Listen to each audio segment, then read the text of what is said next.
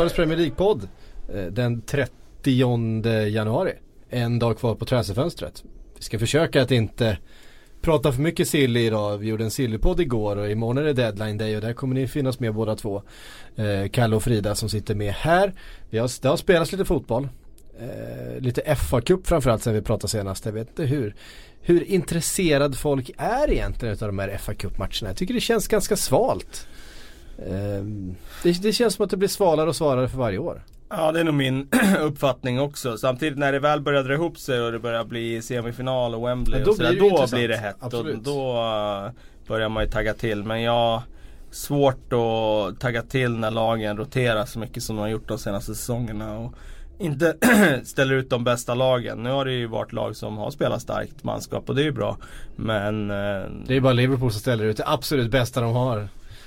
Ja, det, var, det, var, det, var verkligen, det var verkligen det bästa, det bästa laget han kunde ställa ut mot eh, West Bromwich. Blev stryken då.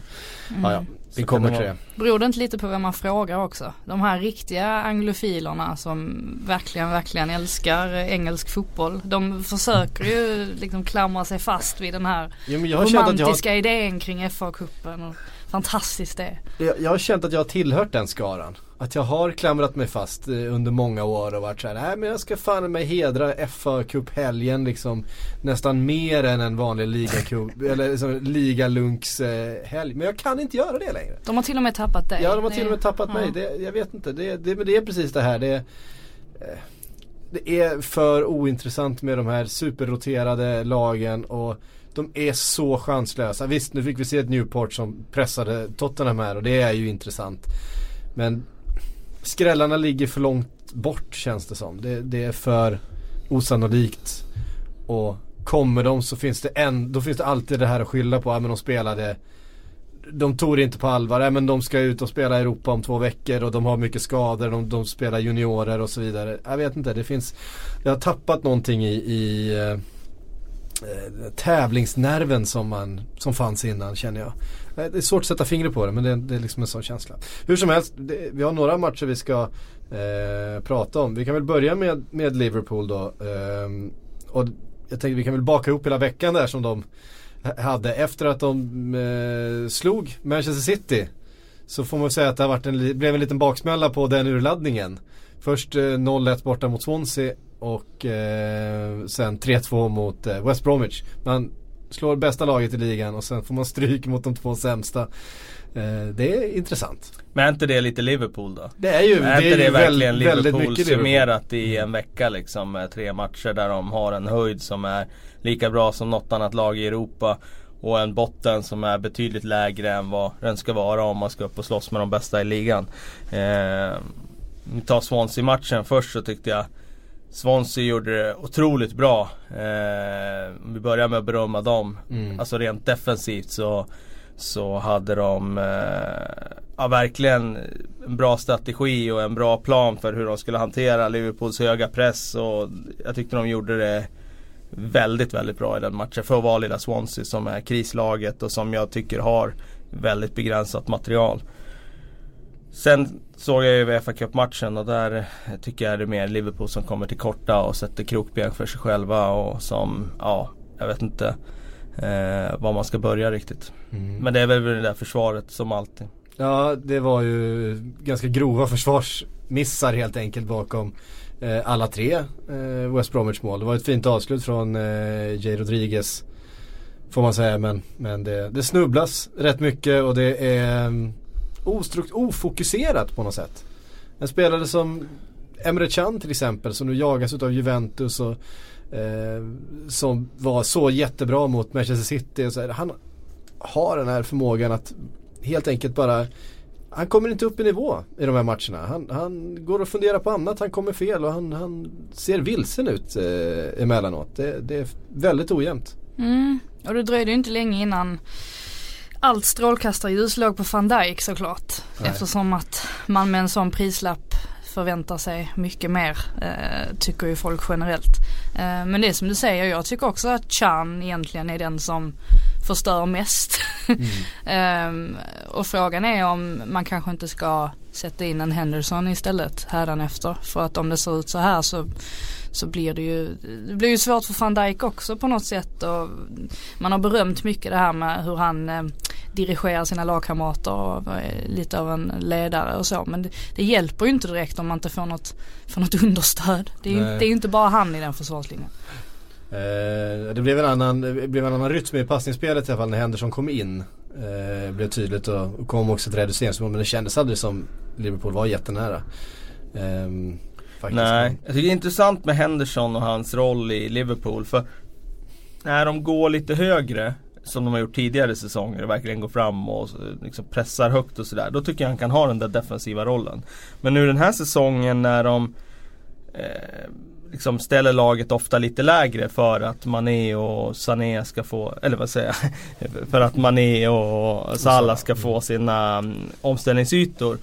Då blir ju försvarsspelet mer av att liksom täcka ytor och vara smart i positionsspelet. Då tycker jag inte Henderson räcker till riktigt. Så han passar ju bättre för ett Liverpool som kliver högre med hans energi och så vidare. Än vad han passar nu för att liksom vara en defensiv mittfältare i ett lag som står lite lägre.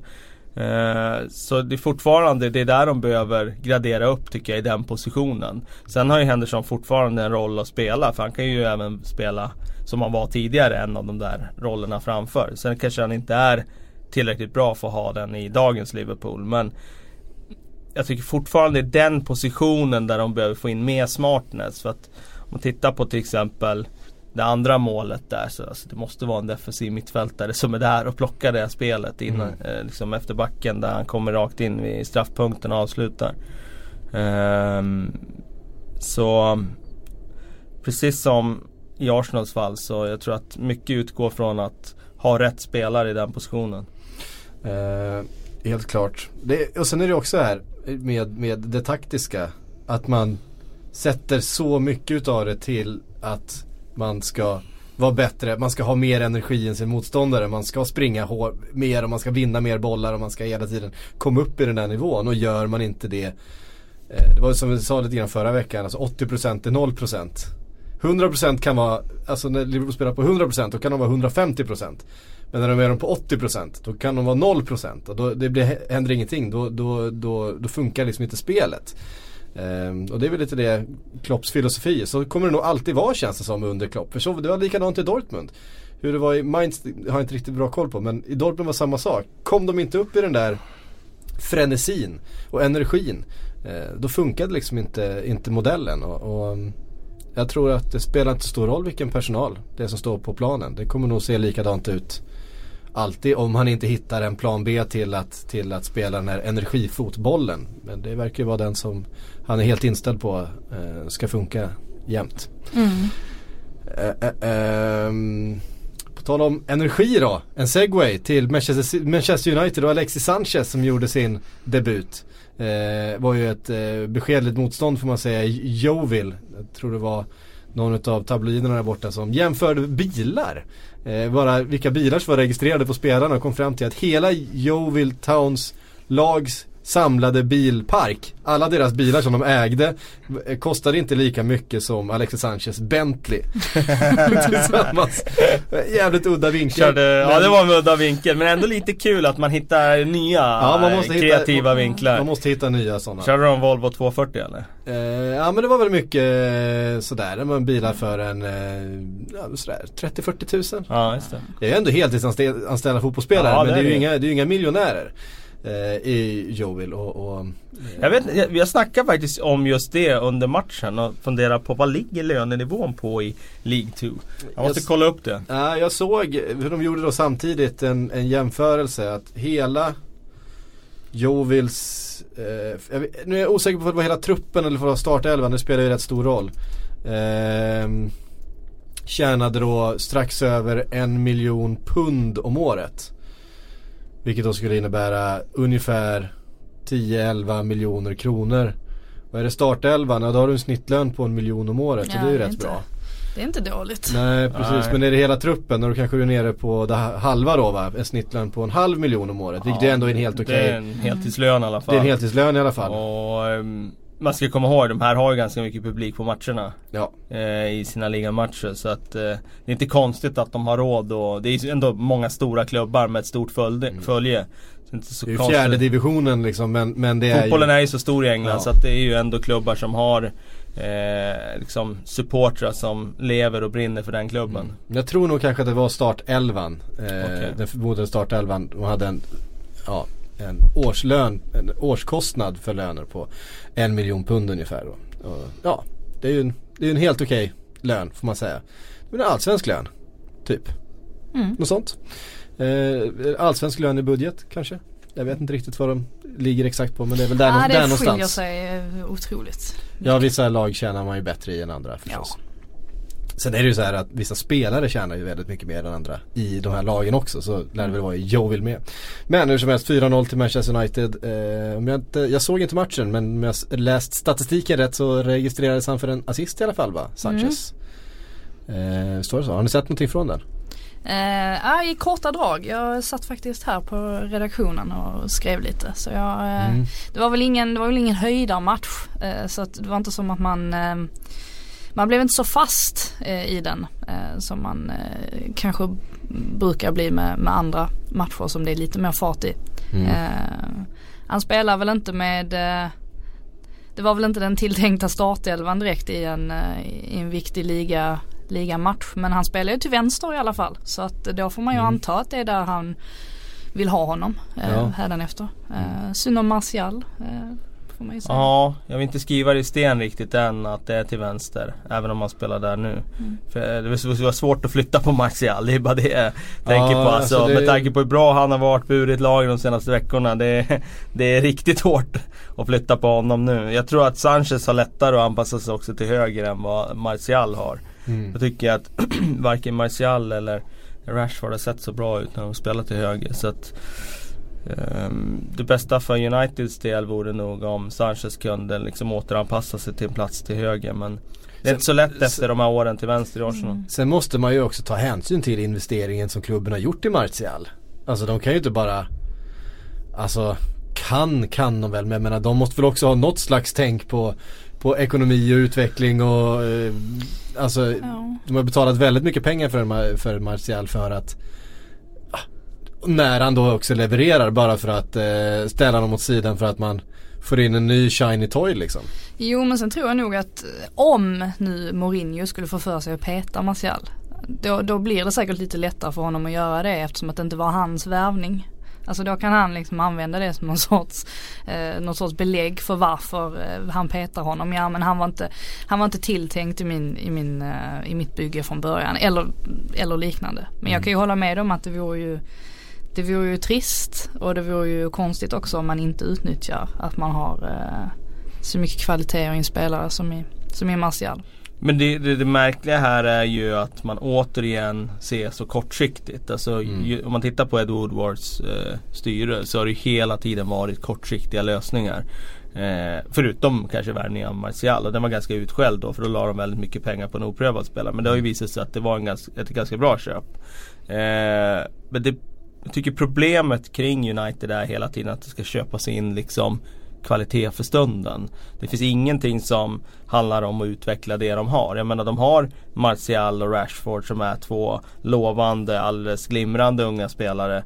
Men vad händer med Rashford nu? Alltså Mm. vad hamnar han i slags eh, liksom eh, bakvatten nu? Det är ju nu såg jag att Jamie Redknapp gick ut och snackade om att han behöver byta klubb. Det är jag inte säker på att han behöver göra. Men det blir ju samma frågetecken kring Rashford nu som när Zlatan värvades till klubben. För då var det ju faktiskt en allvarlig diskussion kring vad hände med Marcus Rashford som ändå hade varit eh, lagets bästa offensiva spelare på den våren innan Mm. då. Eh, och det här tycker jag återigen symboliserar Uniteds kortsiktiga tänk och det, alltså, de får in en världsklasspelare med Sanchez. Det är klart att han kommer göra dem bättre. Det gjorde han redan nu i första matchen. Man ser ju att så fort han får bollen så, så händer det ju oftast Mm. någonting för att Ja. han är så bra. Mm. Men det finns ju inget, inget långsiktigt tänk kring liksom att utveckla det de har. Det finns ju en spelare till här som verkligen håller på att komma in i sin piken av sin karriär nu i Lingard. Som vi ser, han har helt plötsligt börjat spela på en nivå högre än vad han har gjort tidigare. Vad är han, 23-24 år gammal? Mm. Eh, Ja, inte mycket 24 äldre. va? ja, eh, vilket, 93. vilket borde innebära att når han de här höjderna nu, ja men då är han precis på väg in och kanske ska ha sina bästa säsonger i karriären. Och Manchester fostrad och så vidare. Det är ju en till spelare som kommer påverkas utav den här eh, ehm, Han är 92 till och med. Sen Han- är Oh, lika gammal som mig. 25. Alltså, så han är 25. Jag menar det, det är Absolut, och- och- samtidigt så, Jo, även om Lingard han har är varit han är- väldigt han- bra han är nu inte är lika bra Lingard som- är Lingard. Jag tror Visst. att han har liksom, även om, och det där, jag har ju redan erkänt det här i podden, jag har ju underskattat honom tidigare och han har ju nått en nivå nu som jag inte trodde Mm. han skulle nå. Men det känns ändå som att han, liksom han har ju en begränsning i att han är ju Han kommer ju inte bli Alexis Sanchez bra någon gång. Utan ehm, jag tror att han kommer alltid vara the Manchester lad som eh, tycker det är kul att spela Manchester United. De kommer ha honom i, i eh, kulisserna liksom. Sen ibland är han start och ibland är han kanske inte start för att de har värvat in spelare som är ännu bättre.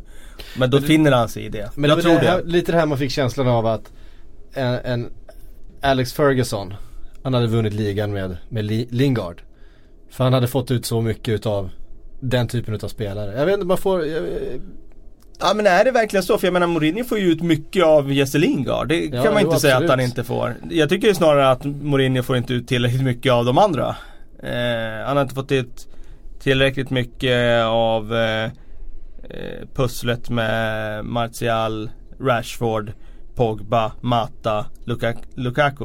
Alltså det pusslet, det är det han ska få ut mer av.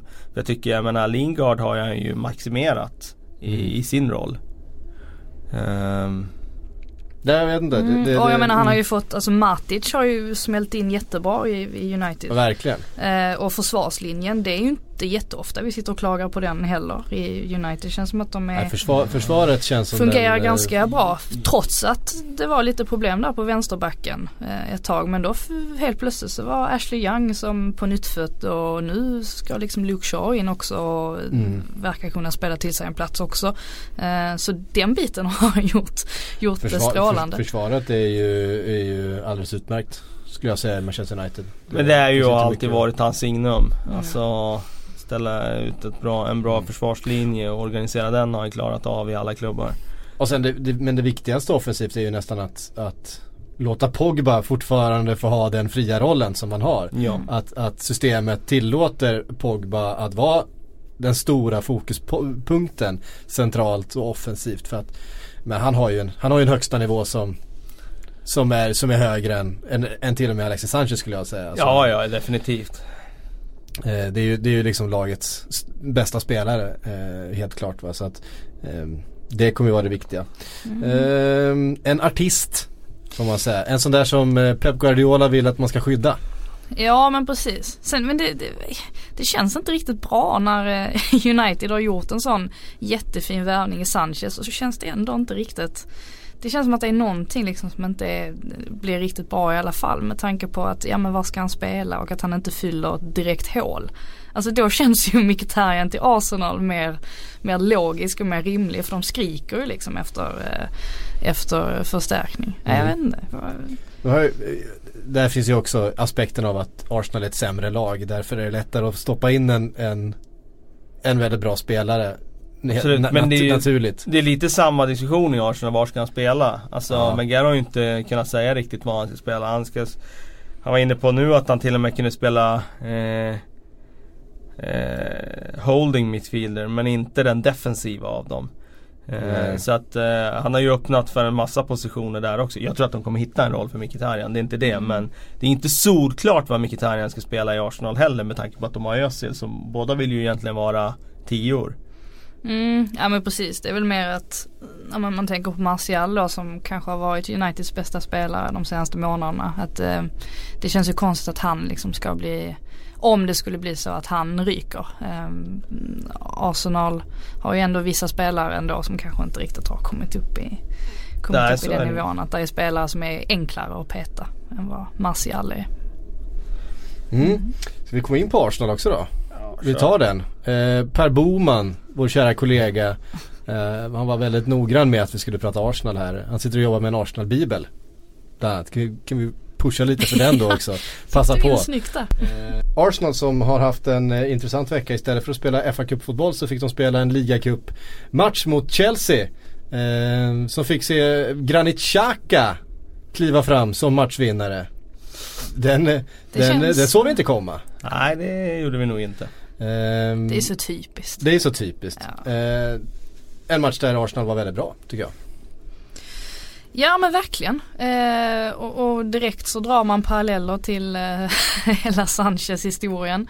Eh, men någonstans så, så tror jag faktiskt att eh, det mycket väl kan spela ganska stor roll. Om man har en spelare i ett lag som förväntas vara stjärna och, och som uppenbarligen inte vill vara i klubben. Det är väl klart att det måste kasta lite negativt ljus på, på resten av spelarna. Och kanske kände de också nu att de allihopa ville visa lite grann att det är faktiskt inte bara Alexis Sanchez som är Arsenal. De har ju varit ganska trötta på honom Ja. också Ja, jag tror. Det har ju liksom. varit eh, bråkigt på träningsanläggningen och Ja. alltså. Det lät ju så efter matchen också när de pratade med spelarna och hur alla poängterade liksom att det här är ett lagspel och Mm. ja, men det var mycket sånt där. Många sådana här lite diskreta kängor till Sanchez. Ehm, Vi har ju ofta klumpat ihop Mesut Özil och Sanchez som att uh, sticker Sanchez så kommer Özil vilja sticka och så vidare. Men någonstans tror jag att han tycker att det är rätt skönt att är borta. Sanchez är borta. För nu blir ju han igen då liksom den stora stjärnan i, i det här laget förstås.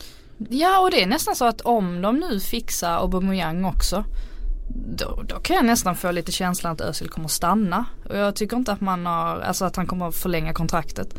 Jag, jag tycker inte man har haft den känslan så mycket under hösten och så. Men nu känns det som att det är något sorts, gud vad det svänger snabbt också. För två veckor sedan då var det här det sämsta Arsenal vi har sett under Wenger och så vidare. Och sen nu helt plötsligt så har det liksom tänts något nytt hopp Ja, men, men, ja absolut men jag får mig också att vi sa det i podden att alltså, jag tror att de kommer komma ur det här Mm. bättre än vad liksom vad de kunde göra egentligen, kunde drömma om. Ja visst de tappade Sanchez men det har de ju räknat med sen i somras att de ska göra.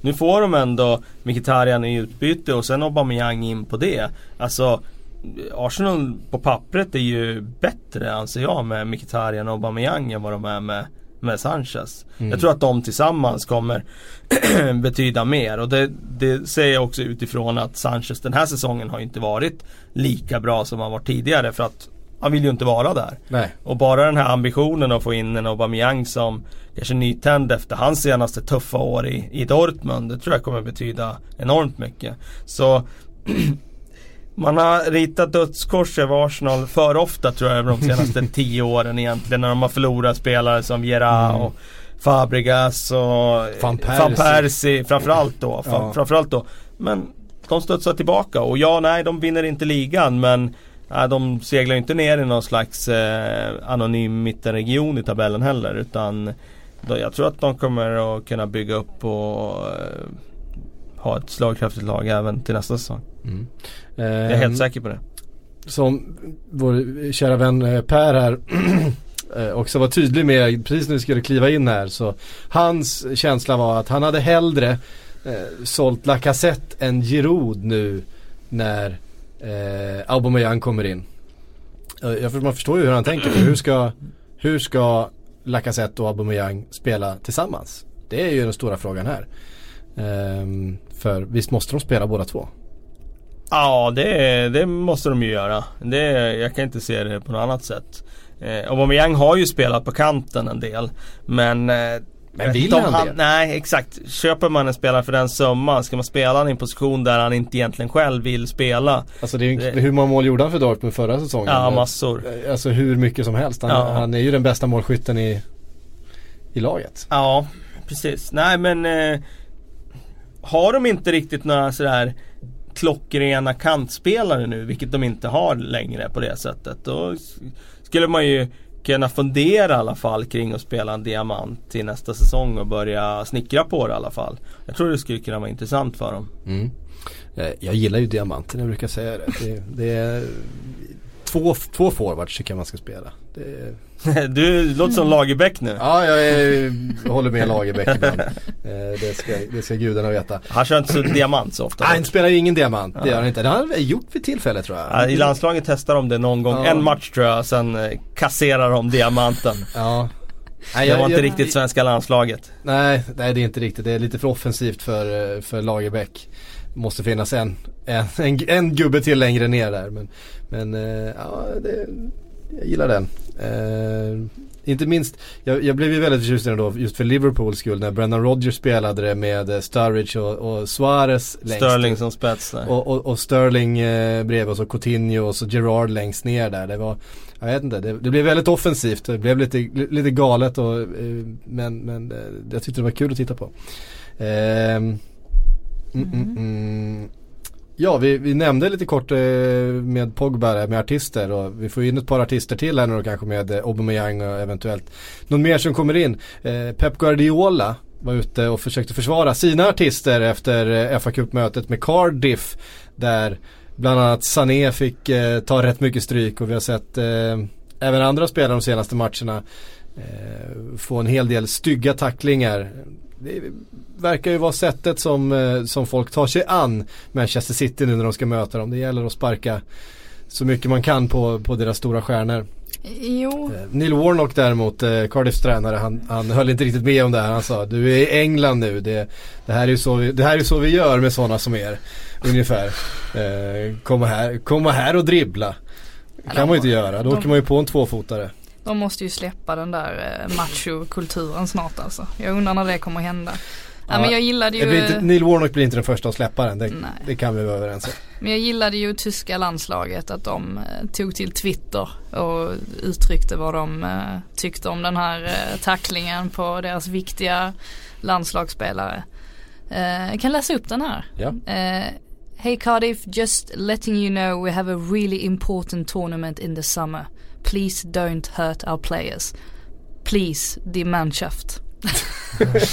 det, är ju, eh, det säger ju lite också kanske när till och med de har uppmärksammat den här fullständigt vidriga tacklingen. Ja, eh, och vi, vi såg ju ett par, eh, eh det var väl West Brom förra veckan va? På Sterling fick en stämpel rakt över benet. Och, ja, det har varit några stycken senaste tiden som har varit rätt stygga. Och vi har fått en fråga från Eh, eh, Meyer, Land Meyer Lansky, jag vet inte hur det ska uttalas. Varför ignorerar domarna reglerna mot när City spelare blir utsatta för potentiellt karriärförstörande tacklingar varje match? Jag vet inte ifall de ignorerar reglerna, det vart ju rött kort eh, för Cardiff här. Ja men det är inte för den tacklingen. Nej, visserligen inte för den tacklingen nej. Nej, han fick ju det senare. Eh, nej jag tror inte att de ignorerar om de hade fått säga de repriserna som vi får se i TV-soffan. Eh, hade vi haft eh, VAR som vi mm. så, eh, är så förtjusta i eh, Då hade ju eh, det förmodligen blivit rött kort här. Ja. Jag tror det. Eh, utan han uppfattar helt enkelt inte situationen. Och där vill jag ändå försvara domaren att det är inte alltid vi själva ser från TVn att det ska vara rött kort förrän vi ser reprisen. Då ser vi okej, okay, det här var ett rött kort. Och Alltså, det här går så fort, alltså, det är inte så himla enkelt. Jag tror inte de ignorerar utan det är bara det att de hinner inte uppfatta hur allvarligt det är. Och jag menar, jag är helt övertygad om att den här domaren hade gett ett rött kort om man hade sett reprisen på Sané-tacklingen. Mm. Mm. Ska vi prata lite VAR? Ja, det vet jag inte. Nu ledde jag in oss på VAR. Det, ja. det har vi väl alltså pratat vi, om massa gånger men vi, vi kan vi prata ännu mer VAR. Det, för att det, det var ju eh, inte minst eh, Liverpool West Bromwich eh, som spårade ur lite grann kan man säga. Ja det kan man säga. Eh, det blev inte alls bra eh, det här med VAR. Som vi har misstänkt lite grann och som vi har sett eh, från andra ligor och, och, så vidare. Det finns, det är inte helt klockrent det här systemet, så kan vi väl säga. Nej, Kalle jag tyckte du summerade väldigt bra i din, i din krönika. Man fick en väldigt tydlig bild av hur mycket VAR hade påverkat den matchen. Jag såg inte den själv nämligen. Men det är ju trist när det ska bli sådär att, att det hamnar i att det hamnar i centrum. Man har ju en förhoppning om att det kommer användas som ett, eh, ja, men effektiv, en effektiv metod för att få till mer rättvisa beslut. Men om det ska bli sådär hackigt och om det ska vara så långa avbrott hela tiden. Alltså då, då försvinner ju lite charmen med Ja, alltså det jag inte riktigt har eh, förstått är att det ska eh, analyseras så länge som det gjorde i det här fallet. Alltså jag tyckte det var väldigt enkelt att se på det här målet West Brom gör att det inte är offside. För Alltså det räckte med en repris. Man ser, han touchar inte bollen, han som slänger till den första Mm. spelaren. Men då kan Mm. det ju inte vara offside. För det är ju inte det när han slår bollen. Då är inte någon av dem offside. Nej. Så om han inte har touchat den, då kan det inte vara offside. Så då är det bara att lämna det, gå vidare, det är mål. Det skulle divideras i fyra minuter om det. Jag har svårt att se varför det tog så lång tid och tar det så lång tid. Det är klart att det förtar väldigt mycket av upplevelsen. Sen är det ju väldigt tråkigt nu om det är ju en sån här annan bieffekt. Alltså, alla spelare som gör mål nu, ska de ställas och vänta innan de firar tills, tills liksom, var det mål eller ska vi dividera ett tag om det var det mål hockey? innan jag firar liksom? Alltså, målfirandet är ju så stor del av hela upplevelsen för alla. Det spelar ingen roll ens om man eh, som neutral eller om du Framförallt såklart om du står på borta sektionen och ser West Brom göra mål på Anfield i en viktig FA Cup-match. Och du liksom, det är klart att det förtar firandet och upplevelsen om det liksom Det är nästan Ja, det, så de måste ju förbättra det. Sen tror jag det var Det är klart att det är väldigt mycket slump att det blir tre situationer i en halvlek som, Mm. som ska varutredas liksom. Ehm, men ja ehm, Jag vet inte. Det, det här systemet behöver förbättras och det behöver eh, liksom skötas betydligt smidigare än vad det gjorde nu. Ja men exakt, jag kommer på mig själv med att tänka det ofta när man sitter och tittar på Serie A just det här du säger med målfirande och sånt. För jag vet att eh, jag tror det var någon Lazio-match där eh, det var säkert eh, Milinkovic Savic som eh, gjorde målet. Jo jag tror faktiskt det var det. Och man ser liksom att han gör målet och, och sen så deklarerar då domaren att de ska titta på det här och så blir det ett avbrott på en hel minut och alla supportrar de liksom håller andan på läktarna. Och, och sen så pekar liksom domaren, nej men det var ett regelrätt mål. Och det såg man ju på reprisen att han var inte alls offside. Och så då kommer det ett litet jubel, Ja, det blir, Mm, nej, det blir ju inte riktigt samma grej alltså. Det är lite eh, den här eh, instinktiva eh, glädjen försvinner ju totalt. Man sitter ju mest ner- nervös om det ska vara mål eller inte. Och sen är det ju också skillnad här mot hockey. För hockey har ju alltid haft de här breaken. Alltså det har ju varit natur, det reklambreaken. finns ju naturliga avbrott Plus, och plus att det blir tekning och liksom sådär. Alltså det blir en helt annan sak. Alltså fotboll är ju en sport där, där det ska flyta hela tiden och då blir det ju en helt annan grej. Mm. Så jag tycker jag, Alan Pardew, det är ingen som, det här är ingenting som kommer få någon eh, liksom stor påverkan. Jag tror inte det är många som tänker på det men han har ju en, verkligen en poäng i att det blir ju en ökad skaderisk av att det blir långa break och att om du ska få så här långa break då får du göra en re-warm-up. Eh, om du ta, talar med fysiologerna så det är ju liksom inte eh, optimalt någonstans att stå still i fem minuter och vänta på att en videodomare och sen ska du in i match igen och göra maxlöpningar. Eh, löpningar. eh, han sa ju att de fick en baksida Ja. direkt efter det här och ja Det är klart att det är ju också en aspekt i det hela att ehm, det, Alltså massa avbrott på det här sättet det, det riskerar fler skador.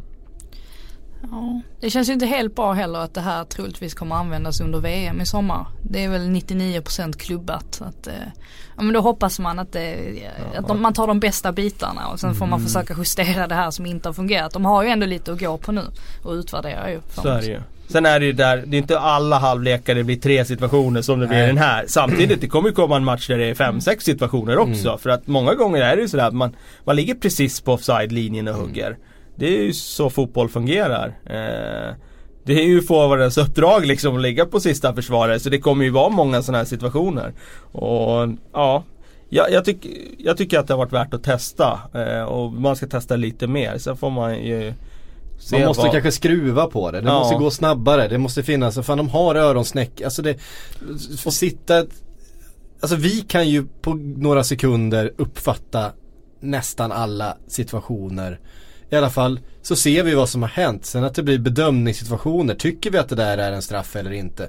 Men, men, men en offside är ju ja eller nej. Ja, det precis. Ser, det, ser, det ser ju vi hemma i soffan på några sekunder om det är eller inte. På en repris. Och det är det jag funderar också på. Ska man verkligen låta VAR eh, döma straffar? För det är ju subjektivt.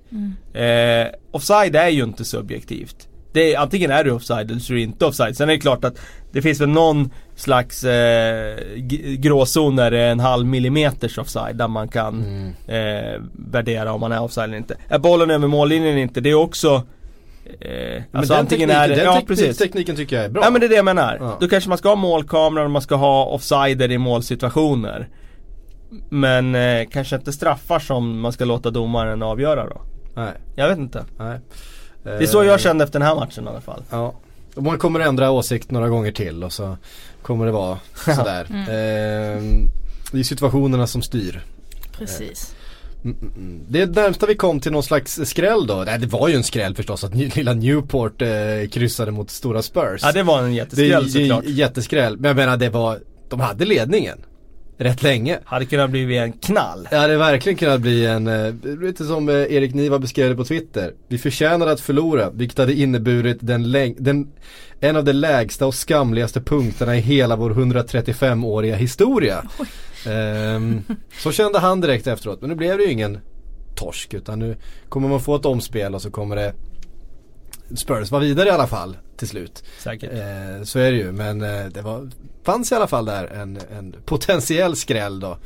Ehm, Nu blev ju West Bromwich den stora skrällen. Ja, Man glömde bort två- att, de, att de vann en fotbollsmatch också. Det är bara var det snackas efter den där matchen. Men det tycker jag ändå är det två Premier League-lag. Ja, ja, absolut. Det- ja det går ju inte att jämföra med Newport, Nej. det är inte det jag säger men Eh, visst, det, det var väl det var eh, inte det väntade resultatet i alla fall men, men eh, ja.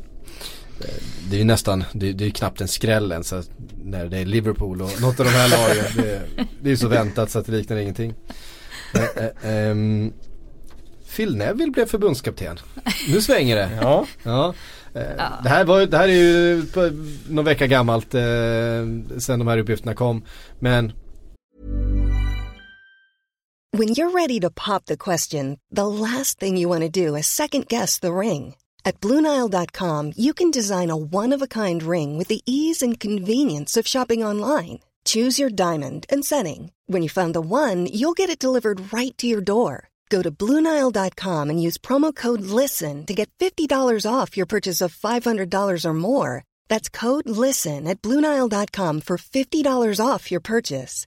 Bluenile.com code LISTEN.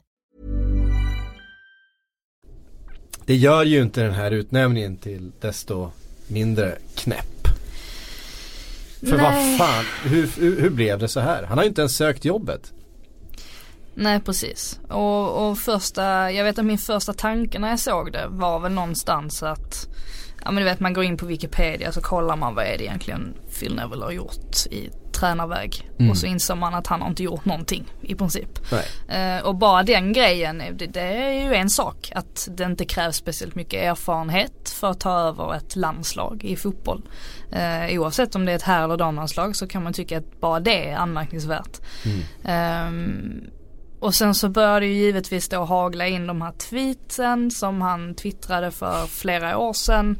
Som var Alltså att bara använda ett sånt språkbruk och bara formulera en tweet på det sättet. Det, det finns inte mycket som, eh, som urskuldar en sån grej. Det är Nej. ot- otroligt märkligt att man får för sig att, att göra det sådär öppet och, eh, och publikt som han gjorde. Eh, Men efter att ha läst om hela FAs process, hur de valde ut honom som förbundskapten, så inser jag att bara den hanteringen där, alltså för det första så hade de ju 150 kandidater som de liksom listade. Ja men de här kan potentiellt ta över landslaget. Eh, och sen skar de ju ner denna listan mer och mer och mer. Eh, och sen till slut, jag tror det var när de hade en liten pott kvar bara med 10 stycken eller sådär. Då föll vissa bort eller de drog sig ur när, när det visade sig att man skulle göra background checks på alla. Och bara, bara, då undrar man ju också vad är, vad är det här för, vad är det här för kandidat? Om de drar sig ur när de ska göra en background checks, vad, är, vad har man då för Vad skelett? har man för skelett i garderoben? Ja. Ja men precis. Så, så, så då tänker man, alltså då har jag börjat tänka så här till slut att det kanske inte är ett så attraktivt jobb i England som man vill att det ska vara. Alltså det kanske helt enkelt inte fanns så många kandidater till slut som ville ha det här jobbet. Och den biten är ju otroligt sorglig. Men man får inte glömma bort att damfotbollen i England den är ju på uppgång nu. Mm. Den har ju varit det väldigt länge i Sverige men där, var- alltså för bara något år sedan, det var ingen som brydde sig om Nej, nej så är det. Så är det. De har ju, nu har de gjort satsningar de senaste åren, fått till en liga. Eh, de stora klubbarna börjar satsa men gå tillbaka 10 år så var det ju nada. Alltså det var ju alltså ingenting. Nej. Eh, jag ska spela lite djävulens advokat här och säga så här att så, landslagsfotboll i stort, oavsett herr eller dam, så har ju tränarjobben har inte lika stor tyngd längre. Om du tittar på liksom, de stora landslagen i världen. De har inte de bästa tränarna. De bästa tränarna är i klubbfotbollen. Mm. Och jag tror att det blir likadant i damfotbollen. För nu när de stora klubbarna som Paris Saint-Germain, Manchester City satsar på egna klubblag. Det är ju de jobben är mycket mer attraktiv än att leda ett damlandslag. Eh, precis som Roberto Martinez gör egentligen fiasko i Premier League. Då får mm. han ett av världens bästa landslag, Belgien. Mm. Alltså, det blir ju skräpet på, från de högsta ligorna, de får ju landslagen eh, på här sidan.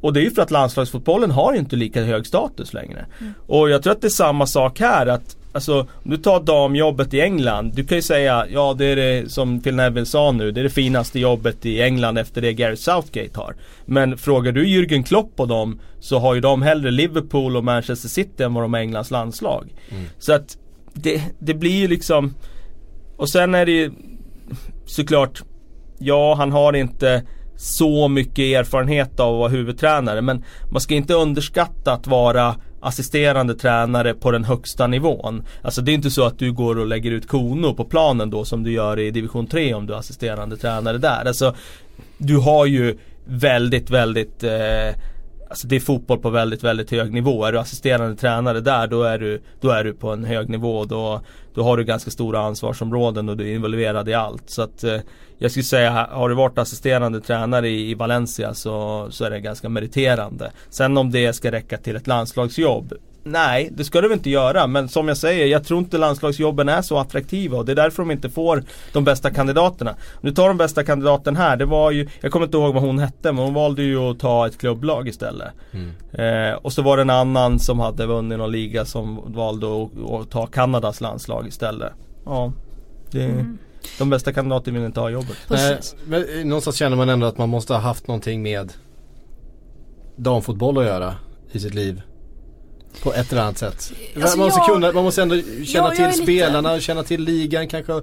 Alltså ha någon slags, jag menar det, det, jag, jag, tyck, jag håller med dig om det. Jag tycker det. det, man måste, eh. alltså det, blir, det blir en väldigt, väldigt lång uppförsbacke, en väldigt lång inlärningskurva om, om liksom man behöver, ju, man behöver ju förstå liksom dynamiken, liksom hur, hur ser hur ser brittisk fotboll ut på damsidan? Den, den, den grundförståelsen ja. känns det som man måste ha för att kunna ta det jobbet. Det är klart man kan lära sig det. Men då kanske man ska vara assisterande till en förbundskapten under något år eller man ska liksom gå och lära sig det här på något, alltså jag, jag vet inte men, men han, han kommer ju rakt in från vänster. Precis, och om vi tar då vårt svenska exempel i Peter Gerhardsson som mm. tog över nu ganska nyligen mm. så märkte man direkt, alltså från första presskonferensen så visade han på en otrolig dedikation och jag vet om att han reser runt i Sverige eh, alltså nästan varje vecka och tittar på matcher och, och träffar spelare och liksom hänger i klubben. Jag vet när vi var uppe i Kvarnsveden, den lilla klubben i, eh, utanför Borlänge så, så berättade de att han brukar vara där ganska ofta och, och spaningsspela. Alltså, så länge Neville visar den formen av dedikation då kommer det inte vara några problem. Men det kräver ju en hel ja, del kom, från alltså, själv.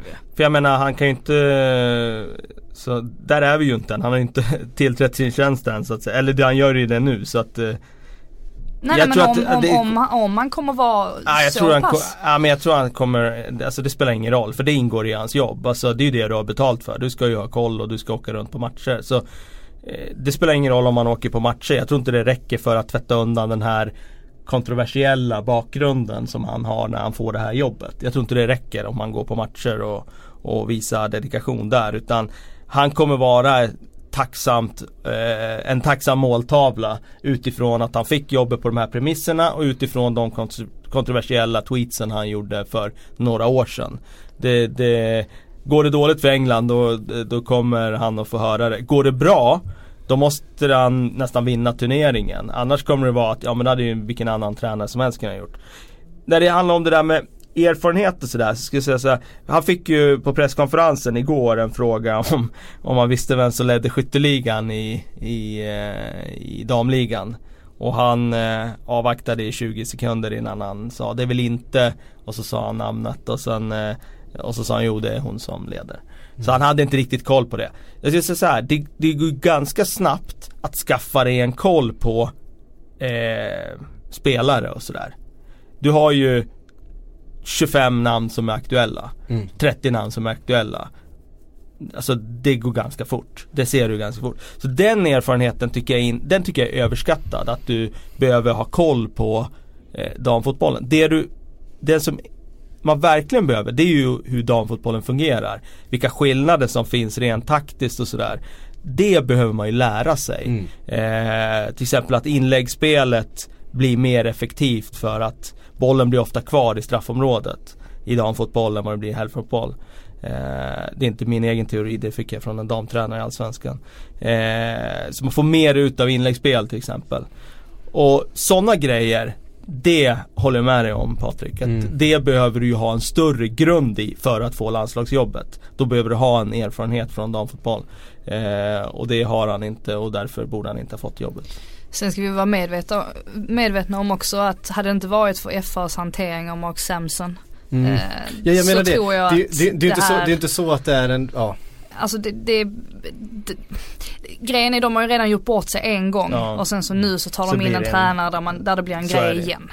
Så det. Eh, det är väl klart att det, det sätts, i- sätts i, i ljuset betydligt mer än vad det hade gjort om Mark Samson eh, hade haft en jättelyckad tid i England för det hade han ju i Ja. landslaget. Han ledde Mm. ju det här engelska landslaget extremt långt i EM nu i somras och, och längre än vad, och det, damlandslaget har ju utvecklats, eller damfotbollen har ju utvecklats jättemycket under honom. Mm. Eh, men så, ja, visade det sig då att han hade lite lik i garderoben. Ja, Men, men, men är det inte lite synd också för Jag vet inte om det var Johanna Frändén som skrev på Twitter om just det att Det blir liksom en grej av att kända män ska liksom göra, höja statusen för Ja damfotbollen. precis, det känns också Men- sådär att, Men det blir ju också tyvärr en självuppföljande profetia för hur mycket uppmärksamhet de inte fått nu när Phil Neville fick det här jobbet.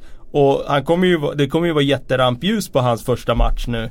Och eftersom han är Phil Neville, han är dels den stora före detta Premier League-stjärnan men han har ju också varit eh, en stor TV-expert nu de senaste åren. Eh, det är klart att det ger mer uppmärksamhet. Så även om vi inte vill att det ska vara så så är det ju precis så det har blivit. det, sen, det är också så här, det har ju ingenting med saken att göra men det är ju ändå roligt att hans tvillingsyster är förbundskapten och den mest framgångsrika förbundskaptenen någonsin för Englands netboll-landslag. Ehm, Ja. det är bara, Det kan- det är en märklig Kanske detalj. ligger i generna Ja, man vet ju inte. Men han, kan, han kanske kan få några eh, förbundskaptens eh, tips eh, utav henne där.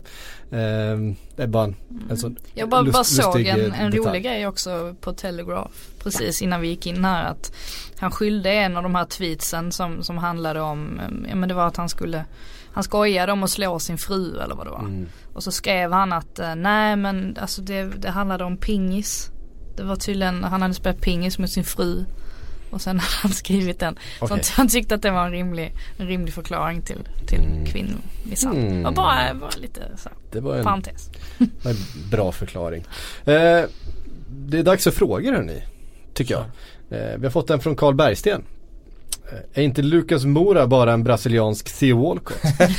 Jag tycker den är bra faktiskt. Jag tyckte också den var rolig. Eh, Eh, den- Lucas Mora som då är eh, i stort sett klar, eller han är klar för, eh, för Är det helt Spurs. klart? Jag tror, att, jag tror att det är eh, mer eller mindre jag är Har väldigt, presentationsvideon kommit ut? Nej jag tror inte presentationsvideon är ute än men, men det är väldigt eh, trovär, trovärdiga uppgifter Ja. kring att han eh, har skrivit på. Han är ju lite av en eh, brasiliansk Theo Walcott skulle jag säga. Det är en ganska bra beskrivning. Sen hoppas jag att han blir mer eh, i framtiden. Men jag befarar att eh, att hans karriär kommer att definieras som en brasiliansk Theo Walcott. Det är inte så mycket slutprodukt och det är inte så mycket poäng och så vidare. Nu ska ju sägas att Theo Walcott när han var i form gjorde ju faktiskt väldigt mycket poäng. Mm. Eh, men eh, det är en ganska bra beskrivning. Ja han har gjort, jag såg någon statistik på Theo Walcott, hans karriär. Han har ju liksom ett rätt bra snitt, poängsnitt faktiskt. För, alltså mycket bättre än vad man tror att han ska ha. Alltså, han har ju liksom gjort Ja men så här, poäng varannan match i sin karriär liksom. Ja, det är det är ju fan många spelare man har hyllat som liksom på offensiva positioner som inte kommer upp i det liksom. Ehm, ja. William Gustafsson skriver, har det här silly-fönstret ändrat era tankar om hur tabellen kommer se ut när säsongen är över? Vilka lag som värvat sig eh, ifrån kriser och vilka som kan säkra Europaplatser? Tror du det? Ja men det tycker jag väl. Då kommer vi in på Arsenal igen Mm. såklart. Där det såg eh, otroligt nattsvart ut.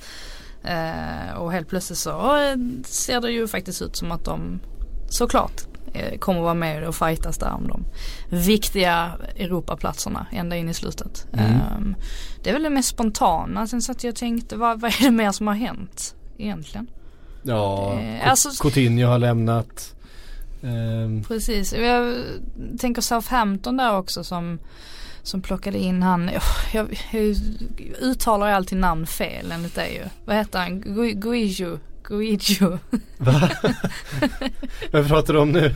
i Southampton. Eh, som de plockade in nu förra, förra Eh, veckan. Eh, jag tror man uttalar namnet så. Jag tror att en sån värvning kan ju vara bra för dem eftersom de tappar José nu. Eh, Mm. Antagligen och det har väl inte fungerat jättebra i målproduktionen eh, för dem så att det lär ju det lär ju eh, säkerligen vara en bra värvning från dem. Dessutom så indikerar den värvningen eftersom att han har spelat under Pellegrino att Pellegrino troligtvis blir kvar. Så det känns som att vår profetia där att han kommer få sparken inte riktigt håller längre. Nej, Ehm, nej dels ehm, ska det bli väldigt intressant här att se vad, vad Chelsea gör om de kan få in sin långa forward. Ja, de, har, de har jagat alla över 1,90. Det är inte så många av i hela Peter Europa. Crouch eh, tänker man på. Ja men det har man rykt, de har ryktats eh, om att eh, Hur höra sig för om mycket, Peter Crouch konkret, också. hur mycket konkret var det i det egentligen? Nej, just Peter Crouch tror jag ju var en Det ser eh, så otrolig humor skrivbordsprodukt på någon, på någon tidning någonstans. Men, Men Andy, Andy Carroll var, Ja men det tror jag. där, där fanns det uppe. Ja. Sen gick han sönder precis som han gör. Känns det inte konstigt? Det känns inte riktigt Conte-style och plocka in en sån lång typ liksom. Vad ska jag... Nej men Conte verkar ju inte ha någonting med det här att göra överhuvudtaget. det, det är om, om, man, om, man lyssnar på, om man lyssnar på hans kommentarer, han säger jag vet inte vad som händer, jag jobbar med de spelarna jag har och jag, jag kan tänka Kan man mig att jobba lita, kan man Nej lita det kan man kanske inte göra men det, det, det har varit oerhört märkliga, märkliga kommentarer från hans sida. Men tror du att det är någon eh, ovanför honom som vill bara köpa in Peter Crouch plötsligt? Det låter ännu märkligare. Ja, det- det... måste ju komma från Conte att han vill ha en stor spelare i boxen som kan Ja. nicka.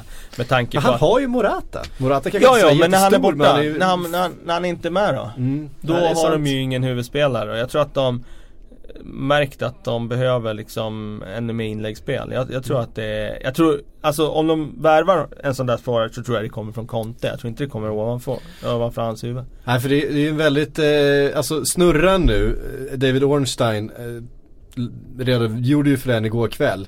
Hur eh, Arsenal nu, nu kommer vi in på sill i alla fall. Jag vet att det, vi gör en silly-podd parallellt med det här och att det är deadline day imorgon. Men vi får väl ta upp bara eh, rotationen här. För nu, Giroud ska då ha eh, Arsenal ska ha varit över med, överens med Dortmund från början och Giroud skulle kunna ja, men, eh, köpa att gå till Dortmund. Aubameyang kommer åt andra hållet. Men sen hörde Chelsea av sig. Då blev Giroud mycket mer sugen på att gå till Chelsea. Ja det är klart. Så att hans agent började jobba på det. Sen har Chelsea nu känt att fan, Giroud blir ganska dyr. Det blir mer pengar än vi är beredda på att lägga för en backup striker just nu. Eh, så då har de istället hört sig av till Spurs för att fråga om Ja, är klart. Eh, och därför finns en Batshuayi som då skulle varit aktuell för Dortmund istället då om de inte kunde få loss Giroud. Eh, som Spurs då skulle vara intresserade av att ta in då istället för Llorente. Så att nu är det fyra klubbar här som vill byta reservforwards med varandra. Ja, förutom Dortmund då som behöver få in en forward överhuvudtaget. Och ingen vet riktigt. Det, det är liksom ett låst läge nu. Agenterna vet, verkar inte riktigt veta vem de ska ringa först här. Så att eh, det är Jorente, eh, Giroud, Batshuay eh, och Aubameyang som ska byta klubbar här. Och Aubameyang till, till Arsenal verkar ju klart. Så då har vi tre stycken forwards som ska, Snurra lite. som ska snurra runt här på och byta, byta lag. Kommer eventuellt. säkert en femte klubb in här i leken. Ja. Som löser alla knutar. Ja, vi- vi skojade om det igår att eh, Rondon dyker upp som, eh, han är väl typ 1,90. Eh, Zlatan. Zlatan ja, absolut. Ja, för det känns ju inte riktigt bra om Arsenals öde ligger i Chelseas händer spontant. Det känns det ju lite om nu det, allting hänger på det här med Giroud, att han ska dit och Batshuayi ska lämna och i och för sig det kan ju hänga på Spurs också. Usch. Ja, det, är, Usch, det, är, o- det är oerhört stökigt i alla fall. Det är, det är ju perfekt inför deadline day imorgon. Ja det är det. Alltså, sen har ju Niklas Bentner kastat ut på transfermarknaden här också.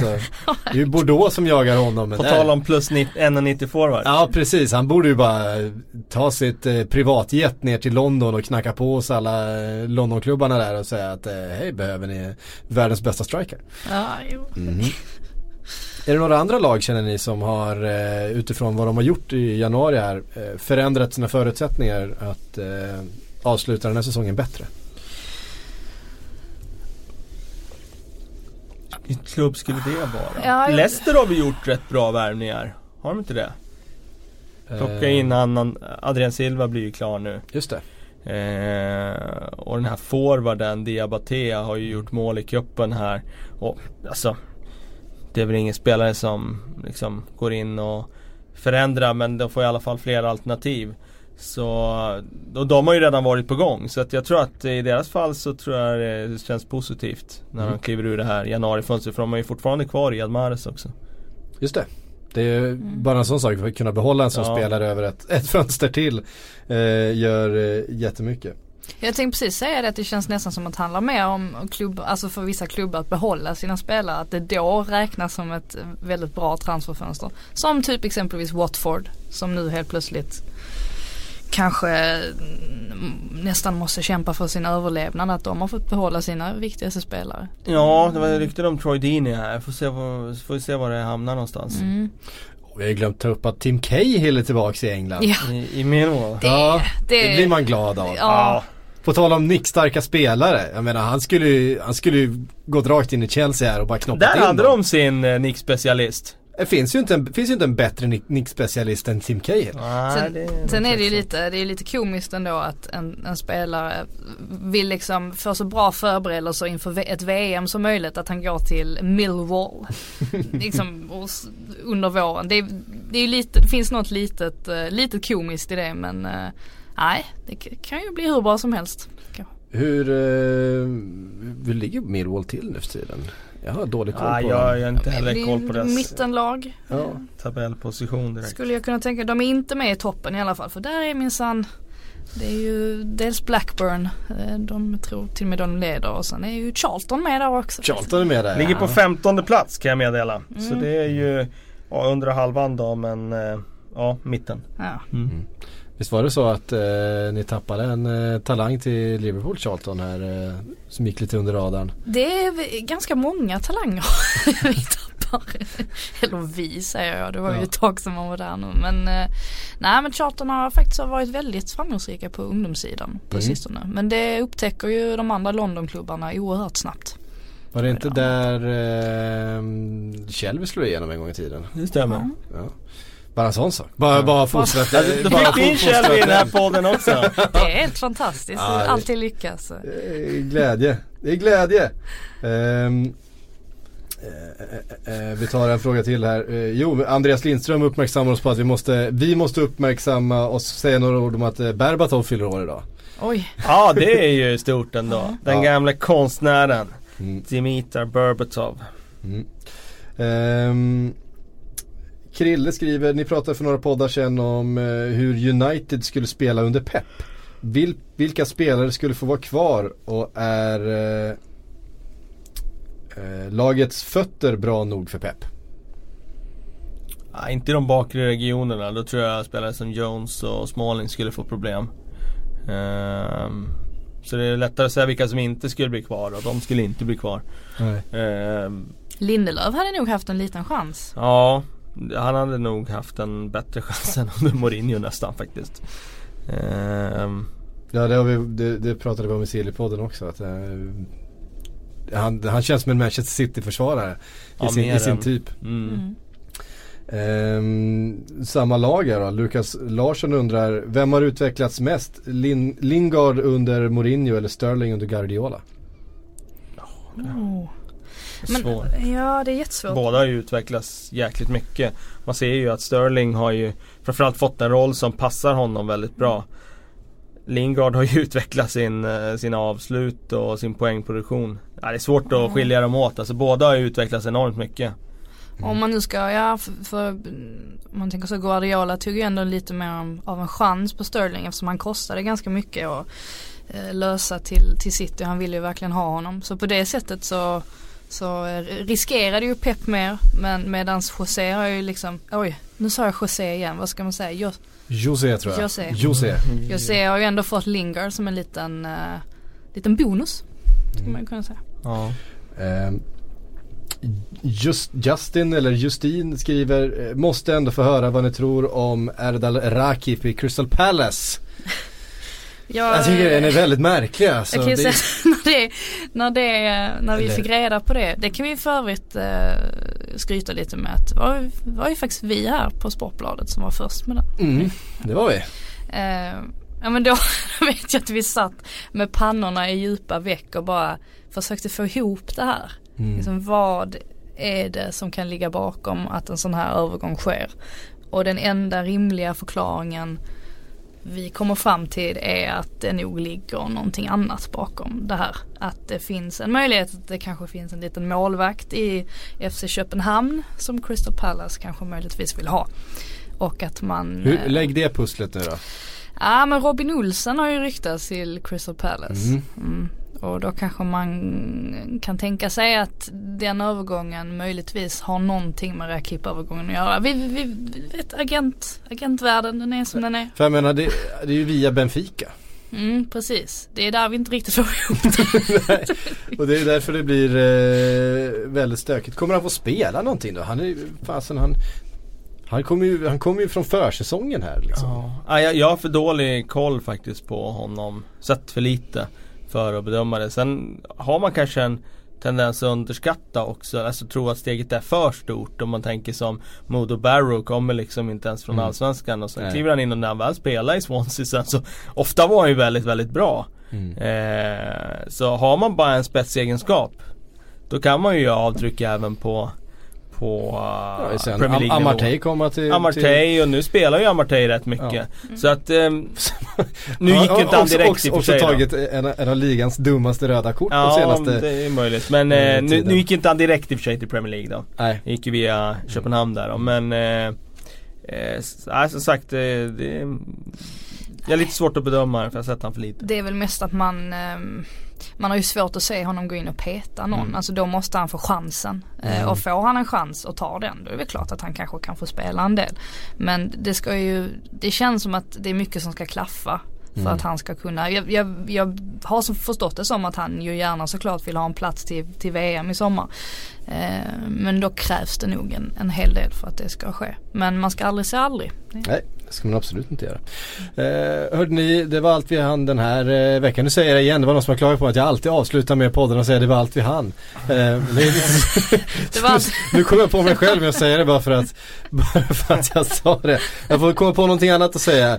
Eh, tack för att ni har lyssnat i alla fall och tack Kalle, tack Frida för att ni kom hit. Det var allt vi hann I, i, imorgon är det deadline day och då ser ni oss på TV. Eh, då kommer ni kunna lyssna på ännu en podd. Sen så Kalle så kommer i alla fall du och jag. Du ska iväg på äventyr Frida. Eh, Jag ska iväg på äventyr. du Jag ska- drog vinstlotten. Ja du gjorde det, den här försäsongsvinstlotten. Ja. eh, istället för att åka eh, till öknen någonstans så får du åka till Miami med eh, Malmö FF. Äh, nästa Miami, Bradenton i Florida. Ja, ja, ja, Florida var det i alla fall. Florida som Florida. Men Ja. eh, vi Men bjuder på en jag- bonuspodd senare Ja. i veckan. Vi får göra det när eh, fönstret är, eh, är stängt så vi kan utvärdera hur de eh, engelska lagen har förstärkts och försämrats på olika sätt. Eh, och sen så är vi igen då förstås tillbaks nästa vecka också med ett eh, vanligt avsnitt. Och så.